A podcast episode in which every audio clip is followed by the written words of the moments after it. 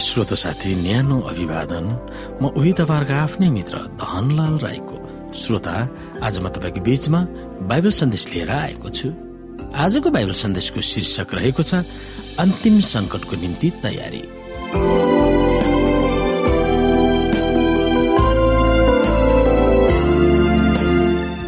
श्रोता मानव इतिहासको अन्तिम दिनहरूलाई लक्षित गर्दै पावरले हामीलाई के अर्थ दिन्छन्? हामी यहाँनिर एक थिस्लुनेकी पाँच अध्यायलाई हेर्न सक्छौ। यहाँ लेखेको छ तर भाइ हो समय र बेलाको विषयमा तिमीहरूलाई केही लेख्ने आवश्यकता छैन किनकि तिमीहरू आफै राम्ररी जान्दछौ। प्रभुको दिन त रातमा चोर आए चाहिँ आउनेछ जब मानिसहरू शान्ति र सुरक्षा भनिरहेका हुन्छन् तब गर्भवती स्त्रीलाई व्यथा लागे झै अचानक तिनीहरूमाथि विनाश आइलाग्नेछ। र तिनीहरू कुनै रीतिले उम्कने छैनन्। तर भाइ हो तिमीहरू अन्धकारमा छैनौ। तसर्थ त्यस दिनले तिमीहरूलाई चोरले जस्तै चकित पार्नेछ किनकि तिमीहरू सबै ज्योतिका सन्तान र दिनका सन्तान हो। हामी रातका र अन्धकारका सन्तान होइनौ। त्यसकारण अरूहरू चाहिँ हामी नसुतौ तर जागा बसौँ र सचेत रहौ। श्रोता यसुको दोस्रो आगमनको पर्खाइको क्रममा पावलले थेस्लोनिकीका विश्वासीहरूलाई जागा रह र गम्भीर भएर सचेत रह भनेर प्रोत्साहन दिएका थिए। दुई हजार वर्ष अघिका विश्वासीहरूलाई पावलले त्यो अर्थ दिन्छ भने आजको हामीलाई के भन्छ होला? तिनीहरू ज्योतिका सन्तान भनेर पनि उनले भनेका थिए र तिनीहरूलाई अन्धकारबाट दिनमा आएकोले चोरले जस्तै तिनीहरूमाथि कसैले मात नगरून् भनेर तिनीहरूलाई सम्झाएका थिए। भित्री दिलदेखि प्रार्थना गरेर जागा रहनुपर्छ भन्ने सन्दर्भमा यसुले जागा रह्यो भन्नुभएको थियो। जागा रहनु भनेको आत्मिक रूपमा चनाखो भएर बस्नु हो सचेत हुनु हो र दिमागलाई गम्भीर अवस्थामा राखेर हामी कुन समयमा बाँचिरहेका छौँ त्यसप्रति सजग हुनु हो। र जुन कुरो आदरणीय वास्तविक र महत्व छ त्यसमा हाम्रो ध्यान केन्द्रित गर्नु हो। दिदी एलिन्जु हाइट भन्नुहुन्छ सत्यलाई थाहा पाउने हामीले यस संसारमा छिट्टै आउने कुराको निम्ति तयार हुनु पर्दछ ताकि ती हामीमाथि अचानक नआओस्। विश्व घटनाले मानिसहरूलाई चकित पारिरहेको होला तर त्यसमा हामी छक्क पर्न आवश्यकता छैन। अन्तिम युगमा हुने बाइबलमा लेखिएका घटनाहरू कहिले होला भनेर हामीलाई थाहा नभए तापनि अहिले आज नै त्यो दिन हो जब हामी तयार भएर बस्नु पर्दछ दानियल दुईलाई समीक्षा हामी गर्न सक्छौ। त्यसमा उल्लेख गरिएका राज्य शक्तिहरूको श्रृङ्खला भविष्यवाणी गरिएकै जस्तै ठिक समयमा पूरा भएका थिए। यसले गर्दा परमेश्वरले जे भन्नुहुन्छ त्यसमा हामी भरोसा राख्न सक्छौ भनेर त्यसले हामीलाई कसरी सिकाउँछ। आउनु श्रोता हामी दानियल दुई अध्यायलाई पूर्ण रूपमा हेर्नेछौ। आफ्नो शासनकालको दोस्रो वर्षमा नबुकदनेश्वरले सपनाहरू देखे। उनको सपनामा छटपट्टि भएर उनी सुत्न सकेनन्। त्यसकारण राजाले जादुगरहरू मन्त्रतन्त्र गर्नेहरू बिचुवाहरू र ज्योतिषीहरूलाई उनले देखेको सपना बताइदिन भनी बोलाउन हुकुम गरे। जब तिनीहरू आए र राजाको सामु खडा भए उनले तिनीहरूलाई भने मैले एउटा सपना देखेको छु। त्यसले मलाई विचलित बनाएको छ र त्यसको अर्थ बुझ्न चाहन्छु। तब ती ज्योतिषीहरूले आर्मयिक भाषामा राजालाई उत्तर दिए महाराजा अमर रहौँ हजुरका दासहरूलाई सपना बताइदिनुहोस् र हामी त्यसको अर्थ बताउनेछौँ। राजाले ती ज्योतिषीहरूलाई जवाब दिए मैले यही निर्णय गरेको छु। यदि तिमीहरूले मैले देखेका सपना र त्यसको अर्थ बताएनौ भने तिमीहरू टुक्रा टुक्रा पारिनेछौ र तिमीहरूका घरहरू उजाट पारिनेछन्। तर यदि तिमीहरूले मलाई सपना र त्यसको अर्थ बतायौ भने मबाट तिमीहरूले उपहारहरू इनामहरू र ठुला सम्मान पाउनेछौ।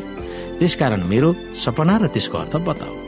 फेरि एकचोटि तिनीहरूले जवाफ दिए महाराजाले आफ्ना दासहरूलाई आफ्नो सपना बताइदिनुहोस् र हामी त्यसको अर्थ खोलिदिनेछौँ। तब राजाले जवाफ दिए म निश्चित छु कि तिमीहरूले मबाट समय लिएर टार्ने कोसिस गर्दैछौ किनभने मैले के निर्णय गरिसकेको छु भनेर तिमीहरूलाई थाहा भएको छ। यदि तिमीहरूले मलाई सपना बताएनौ भने तिमीहरूका लागि एउटै मात्र सजाय छ त्यो परिस्थिति बदलिएन भन्ने आशाले मलाई भ्रम र टुष्ट कुरा गर्ने तिमीहरूले म त गरेका छौ। त्यसकारण मलाई सपना बताओ अनि मलाई थाहा हुनेछ कि तिमीहरूले त्यसको अर्थ मलाई बताउन सक्नेछौ। ज्योतिषीहरूले राजालाई उत्तर दिए महाराजाले भन्नुभएको कुरा गर्न सक्ने पृथ्वीमा कोही छैन। जति महान र शक्तिशाली भए तापनि कुनै राजाले कुनै जादुकर वा तन्त्र मन्त्र गर्ने वा ज्योतिषीहरूसँग यस्तो कुरा कहिले माग गरेको छैनन् महाराजाले गर्नुभएको यो प्रश्न अति नै गाह्रो छ। महाराजालाई यो कुरा देवताहरूले बाहेक अरू कसैले पनि प्रकट गर्न सक्दैन। ती देवताहरू मानिसहरूका बीचमा बस्दैनन्। यसले गर्दा राजा रिसले चुर भए कि उनले बेबिलोनका सबै ज्ञानी पुरुषहरूलाई मृत्युदण्ड दिने हुकुम गरे। यसरी ज्ञानी पुरुषहरूलाई मृत्युदण्ड दिने घोषणा निस्क्यो र दानियल र तिनका साथीहरूलाई पनि मार्न भनी तिनीहरूलाई झिकाउन मानिसहरू पठाइए। जब राजाका अङ्गरक्षकका कप्तान अरियोग बेबुलनका ज्ञानी पुरुषहरूलाई मार्न निस्के दानियलले बुद्धिमानी र बडो निपुणता साथ उनलाई प्रश्न गरे राजाले किन यस्तो कठोर आदेश निकाल्नु भयो? तब अरियोगले दानियललाई सबै कुरा बताइदिए। यो सुनेर दानियल राजा कहाँ गए र सपनाको अर्थ खोल्नलाई समय पाऊ भने बिन्ती गरे। तब दानियल आफ्नो घर फर्केर आफ्ना साथीहरू हननिया मिसाल र ज्यारालाई सो कुरा बताइदिए। बेबेलनका अरू ज्ञानी पुरुषहरूका साथमा तिनी र तिनका साथीहरू नमारिन् भन्ने आखिर यो रहस्य खोल्न स्वर्गका परमेश्वरको कृपा मिलोस् भने तिनले आफ्ना साथीहरूलाई उहाँसँग प्रार्थना गर्न अनुरोध गरे। राति दर्शनमा धान्यलाई यसको रहस्य प्रकट गरियो। तब धान्यले स्वर्गका परमेश्वरलाई प्रशंसा गरे र भने सदा सर्वदै परमेश्वरको नाउँमा स्थिति होस्। बुद्धि र पराक्रम उहाँकै हुन् उहाँले नै समय र ऋतुहरू परिवर्तन गर्नुहुन्छ। उहाँले राजाहरूलाई सिंहासनमा राख्नुहुन्छ र उनीहरूलाई अपदस्त गर्नुहुन्छ। उहाँले समझदारहरूलाई बुद्धि दिनुहुन्छ अनि विवेकीहरूलाई ज्ञान दिनुहुन्छ। उहाँले गहिरा र लुकिएका कुराहरू प्रकट गर्नुहुन्छ। उहाँले अन्धकारमा के छ भनी जान्नुहुन्छ र ज्योतिले उहाँमा बास गर्छ। हे मेरा पिता पुर्खाका परमेश्वर तपाईँलाई म धन्यवाद दिँदछु र तपाईँको प्रशंसा गर्दछु। तपाईँले मलाई बुद्धि शक्ति दिनुभएको छ।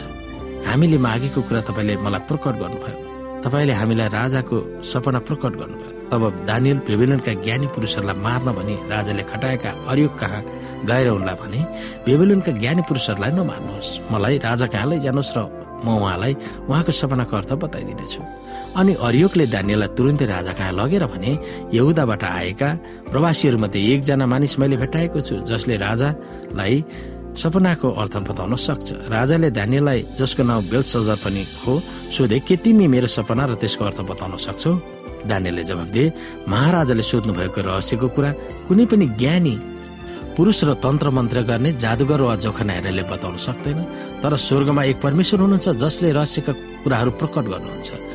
उहाँले महाराजा नभोगधनेश्वरलाई भविष्यमा हुने कुराहरू देखाउनु भएको छ। हजुर ओछ्यानमा ढल्किरहनु हुँदा हजुरको मनमा भएका सपना र दर्शनहरू यिनै हुन्। हे महाराजा हजुर ओछ्यानमा ढल्किरहनु भएको बेला हजुरको मनमा भविष्यमा के हुने होला भन्ने तर्फ गयो। र रहस्य प्रकट गर्नुहुने भविष्यमा हुने कुरा देखाउनु भएको छ। तर जसै मलाई यो रहस्य लेखिएको छ अरू जीवित प्राणीहरू भन्दा ममा बढ्ता बुद्धि भएको कारणले होइन। तर यसै कारण कि हजुर महाराजालाई सपनाको अर्थ खोलियोस् र हजुरको आफ्नो मनमा भएका कुरा बुझ्न सक्नु भएको होस् भनेर हो। हे महाराजा हजुरले हेरिरहनु हुँदा एउटा ठुलो शालिग उभिएको देख्नुभयो। यो शालिग विशाल र अत्यन्तै चहकिलो देखिन्थ्यो र यसको रूप भयानक थियो। त्यस शालिगको टाउको निखुर सुनको त्यसका छाती र हातहरू चाँदीका त्यसका पेट र तिग्राहरू काँसाका त्यसका गोडाहरू फलामका र त्यसका खुट्टाहरू केही फलाम र केही माटोका थिए।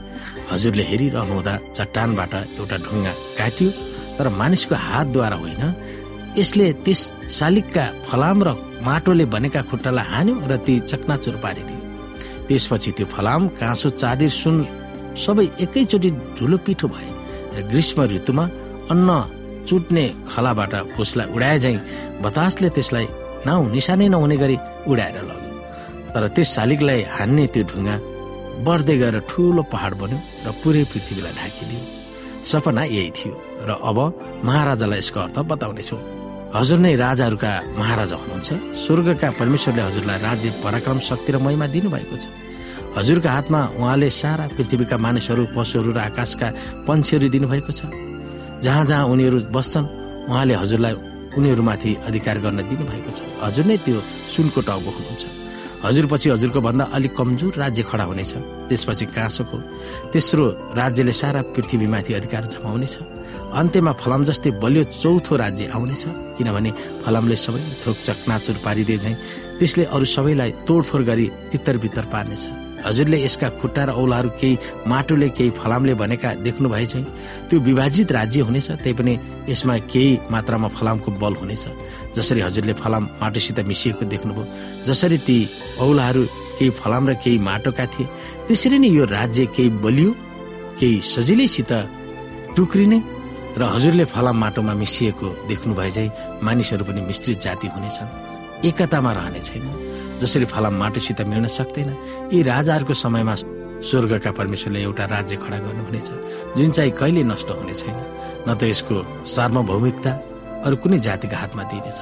यसले यी सबै राज्यहरूलाई चकनाचुर पार्नेछ र अन्त्य गर्नेछ तर यो राज्य चाहिँ सदा सर्वदा रहिरहेनेछ हजुरले देख्नु भएको ढुङ्गाको अर्थ यही हो जुन चाहिँ मानिसको हातद्वारा नकाटिकनै पहरोबाट आएको थियो। त्यो ढुङ्गा जसले फलाम काँसो माटो चाँदी र सुनलाई धुलो पिठो पारिदियो। महान परमेश्वरले महाराजालाई भविष्यमा हुने कुराहरू देखाउनु भएको छ। त्यो सपना सत्य हो र त्यसको अर्थ विश्वासयोग्य छ। तब राजा नवुकदनेश्वरले दानियलको अगाडि गोप्टो परि दण्डवट गरे र तिनलाई आदर गरे साथै तिनलाई भेटी र धुप चढाउन भनी हुकुम गरे राजाले दानियललाई भने साँच्ची नै तिमीहरूका परमेश्वर देवताहरूका पनि परमेश्वर र राजाहरूका प्रभु र रहस्य खोलिदिनु नै हुनुहुन्छ। किनभने तिमीले यो रहस्य खोल्न सक्यौ तब राजाले दानियललाई उच्च पदमा राखे। र धेरै बहुमूल्य उपहारहरू दिए। उनले तिनलाई बेबिलनका समस्त प्रदेशमाथि शासक बनाए र उहाँका सबै ज्ञानी पुरुषहरूका प्रधान तुल्याए। त्यसबाहेक दानियलको अनुरोधमा राजाले सत्रक मेसक अवैधनगोलाई बेबेलनको प्रदेशमाथि प्रशासक नियुक्त गरे। दानियल आफै चाहिँ दरबारमा नै रहे। श्रोता साथी ख्रिस्टले हामीलाई अन्तिम दिनको निम्ति सन्देशहरू दिनुभएको छ ताकि के आउँदैछ सो हामीले थाहा पाउन सकौँ। र त्यसको लागि हामी तयार भएर बस्न सकौँ।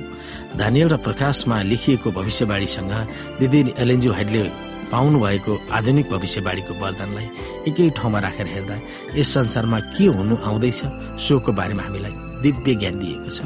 परमेश्वरको वचनमा भविष्यवाणी गरिएको सन्देशमा मुक्तिको बारेमा इतिहासलाई अग्रिम जानकारी दिएको छ। दानियल दुईमा परमेश्वरमाथि भरोसा राख्न सक्छौ भन्ने शक्तिशाली तर्कयुक्त प्रमाण हाम्रो सामु पेश भएको छ। त्यसैले श्रोता अरू अरू जस्तो तिमीहरू नसुत भनेर पावलले अर्थ दिन्छन्। त्यसको अर्थ के हो? हामी सुतेका छौँ कि उठेका छौँ? हामीले कसरी थाहा पाउने? त्यो विषयमा हामी सोच्न सक्छौ। श्रोता साथी आजको लागि बाइबल सन्देश यति नै। हस्त नमस्ते। जय मसिंह।